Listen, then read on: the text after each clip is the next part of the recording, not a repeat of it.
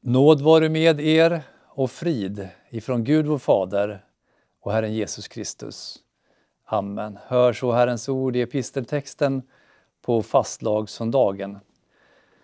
Så skriver aposteln Paulus i sitt andra brev till församlingen i Korint, det femte kapitlet och från den fjortonde versen.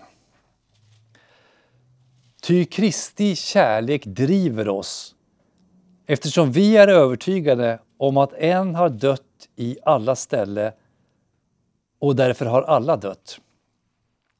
Och han dog för alla, för att de som lever inte längre ska leva för sig själva utan för honom som har dött och uppstått för dem. Därför känner vi inte längre någon på, på ett ytligt sätt. Även om vi lärt känna Kristus på ett ytligt sätt känner vi honom inte längre så.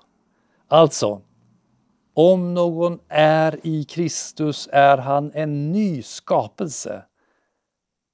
Det gamla är förgånget. Se, det nya har kommit. Allt kommer från Gud som har försonat oss med sig själv genom Kristus och gett oss försoningens tjänst. Ty Gud var i Kristus och försonade världen med sig själv. Han tillräknade inte människorna deras överträdelser och han har anförtrott åt oss försoningens ord. Vi är alltså sändebud för Kristus, det är Gud som förmanar genom oss. Vi ber och Kristi vägnar, låt försona er med Gud. Den som inte visste av synd, honom har Gud i vårt ställe gjort till synd för att vi i honom skulle stå rättfärdiga inför Gud. Amen. Herre, helga oss i sanningen. Ditt ord är sanning. Amen. Om man är vänner, om man är sams, om man har gemenskap med någon, fred eller frid med folk, då känns det bra att umgås, eller hur? Då kan man slappna av. Man kan gå in och ut ur varandras hus utan problem. Och man ler när man ses. Inga problem. Man trivs i varandras sällskap. Vad händer om man blir osams? Man blir ovänner. Man kanske har sagt saker till varandra som sårar. Man kanske har gjort no någonting som inte var okej. Okay. Du ljög för en vän. Du var inte trevlig, utan vresig eller arg. Otrevlig.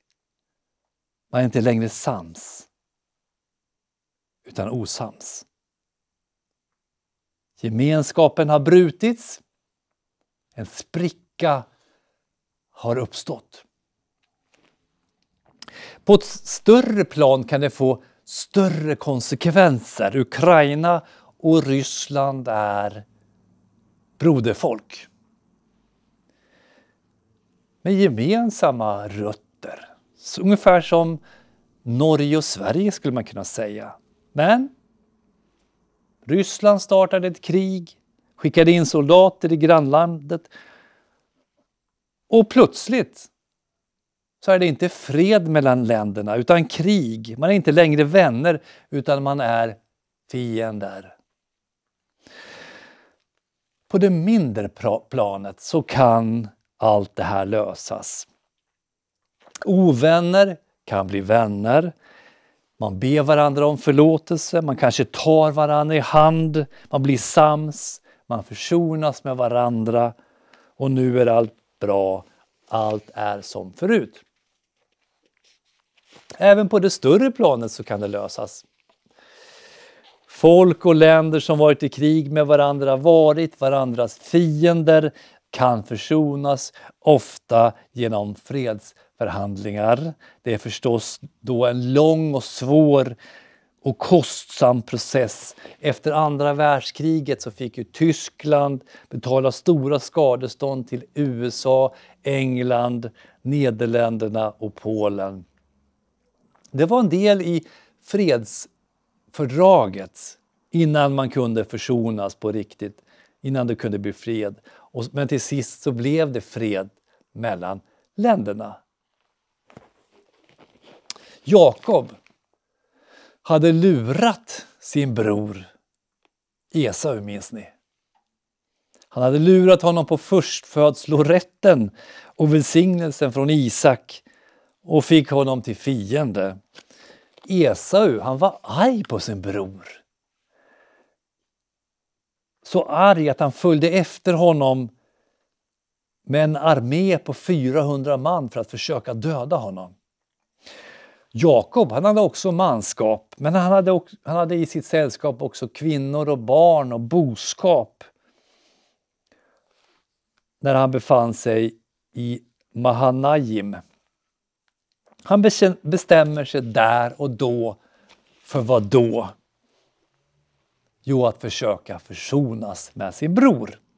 Och därför skickar han gåvor till, till brodern. Flera hundra getter, får, kameler, kor och åsnor skickar han mot sin bror som var på väg mot honom med sin armé.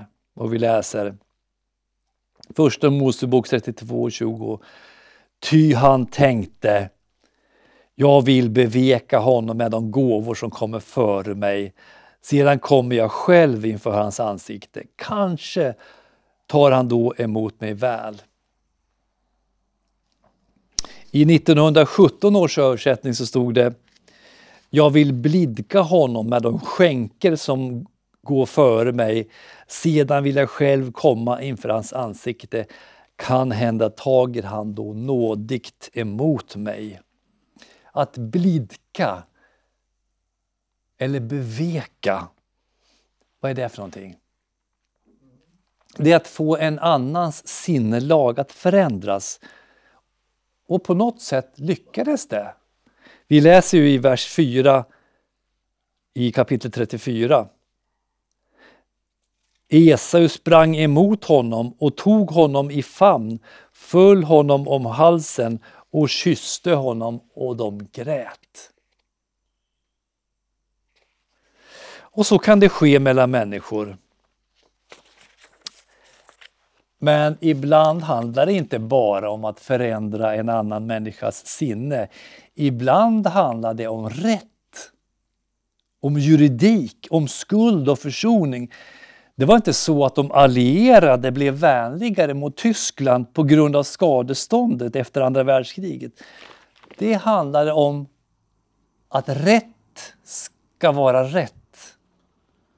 Man ska betala för sig när man gör fel. Om du kör mot rött ljus eller om du kör för fort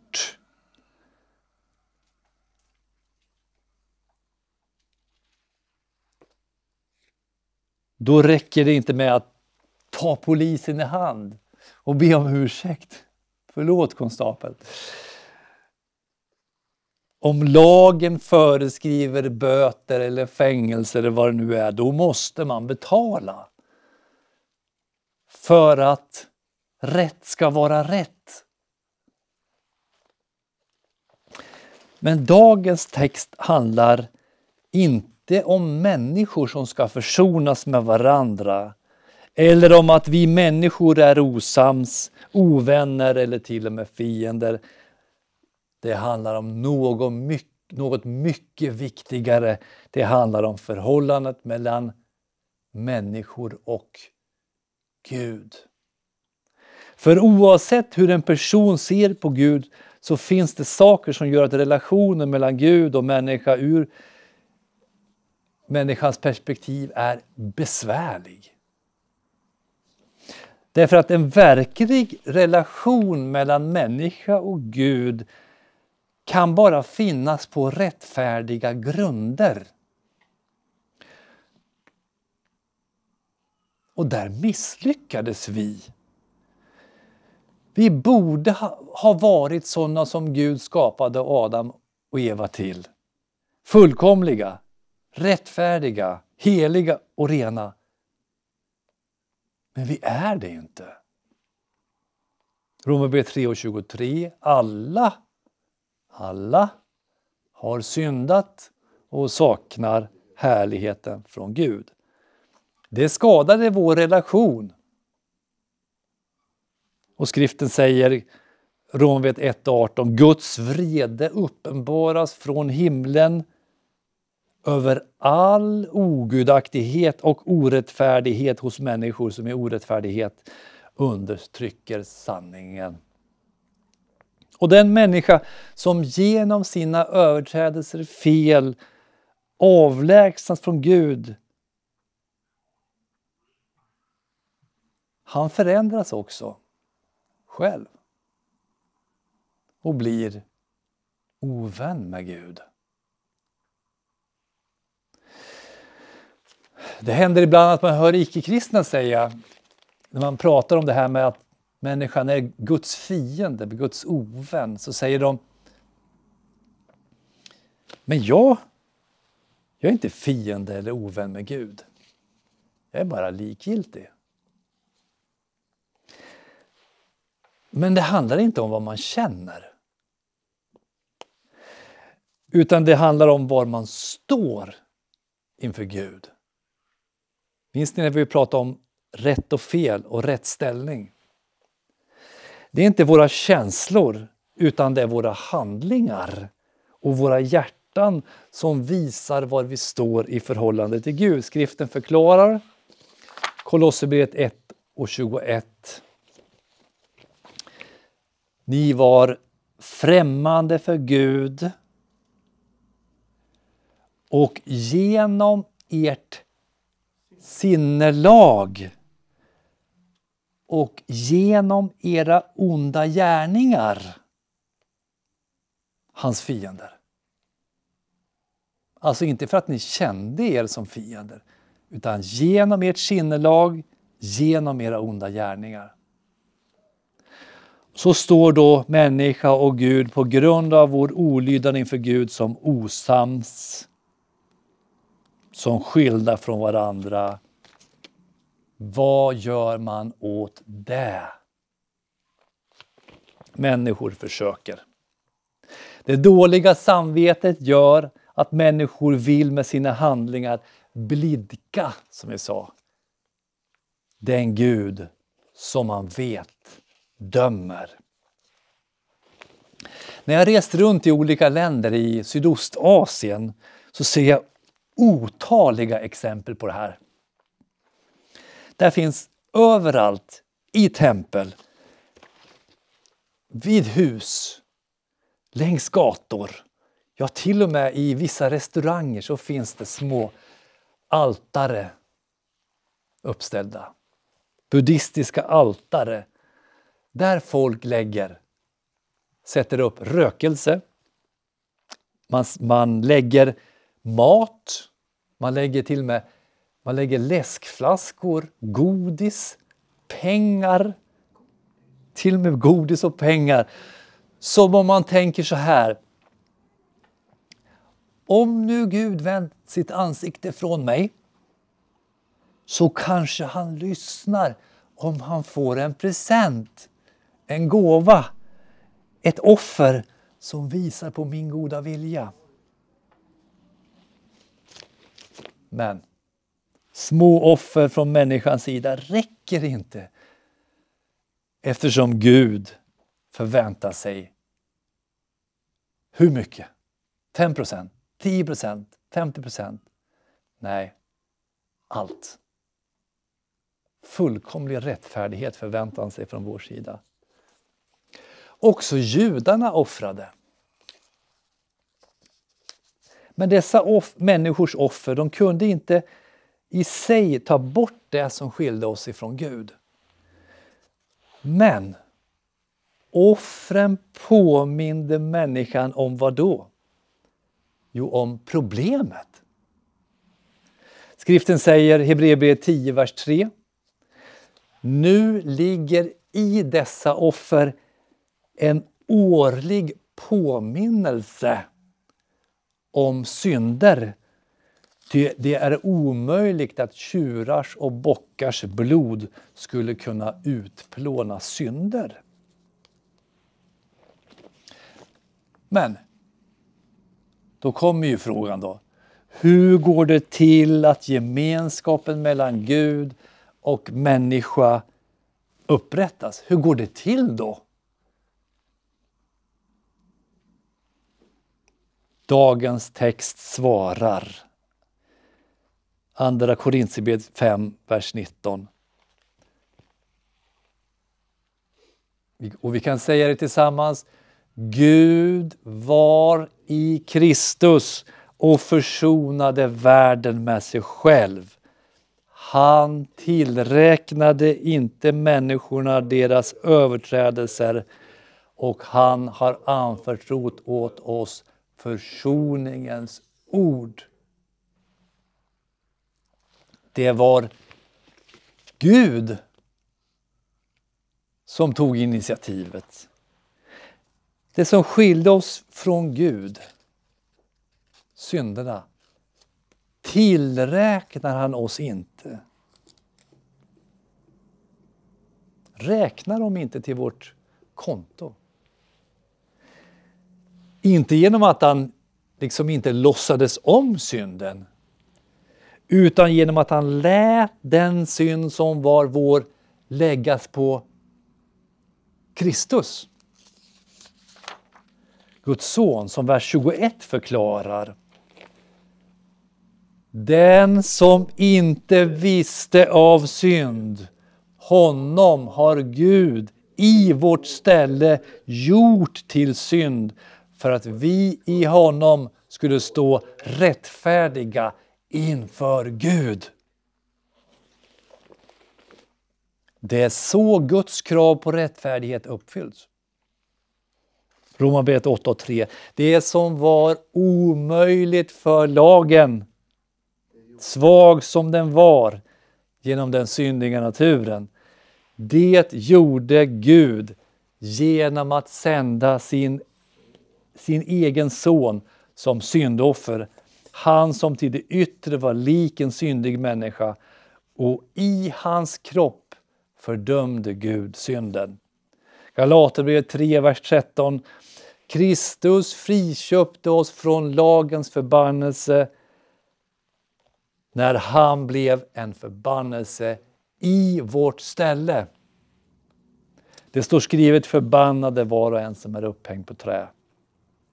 Första Petrus 2, vers 24. Våra synder bar han i sin kropp upp på korsets trä för att vi skulle dö bort från synderna och leva för rättfärdigheten. Och genom hans sår har ni blivit botade. I ljuset av oss själva. Vi har synd, vi har skuld, vi är skilda från Gud, vi är oförsonade med Gud. I ljuset av Kristus. Vad då? Dagens text. Vi i honom skulle stå rättfärdiga inför Gud. Kristus friköpte oss från lagens förbannelse. Allt kommer från Gud som har försonat oss med sig själv genom Kristus och gett oss försoningens tjänst. Ty Gud var i Kristus och försonade världen med sig själv. Han tillräknade inte människorna deras synder, deras överträdelser och han har anförtrott oss, åt oss försoningens tjänst. Från Guds sida är allting färdigt. Se på Jesus, Guds son, och genom honom se att Gud är i honom nådigt sinnat. Gud är nådig. I honom är allting förlåtet. Vi är försonade, vi är rättfärdiga i och genom hans utgjutna blod på korset. Känns det, det kan kännas ibland som att Gud inte är sams med oss. Eller att vi inte är sams med Gud? Är du eller jag osäker på hur Gud ser på oss? För att det känns jobbigt ibland. Är du och jag osäker på hur Gud ser på oss? Var inte det. Tro på vad Gud själv säger här. Vad säger Gud här? I Kristus är Gud försonad med oss. Det står ju. Han ser på oss med välbehagets ögon. Han ser på oss alltså med ett vänligt sinne. Varför? Därför att skulden är betald. Synden är sonad. Från Guds sida är allting klart. Och därför måste Gud övertyga den människa som går omkring och tror att Gud har någonting otalt med oss. Att Gud är vred på oss. Aposteln säger, vers 19, han har anförtrott åt oss försoningens ord. Vi är alltså sändebud för Kristus. Det är Gud som förmanar genom oss. Vi ber och Kristi vägnar Låt försona er med Gud. Om det finns en schism, om det finns en schism, om det finns ovänskap, en spricka, så är det alltså i Kristus, inte från Guds sida, utan från vår sida. Gud tog initiativet och nu sträcker han genom evangeliet ut sin hand. Genom evangeliet om Kristus, den korsfäste, sträcker han ut sin hand. Jag är vän med dig, vill du bli vän med mig?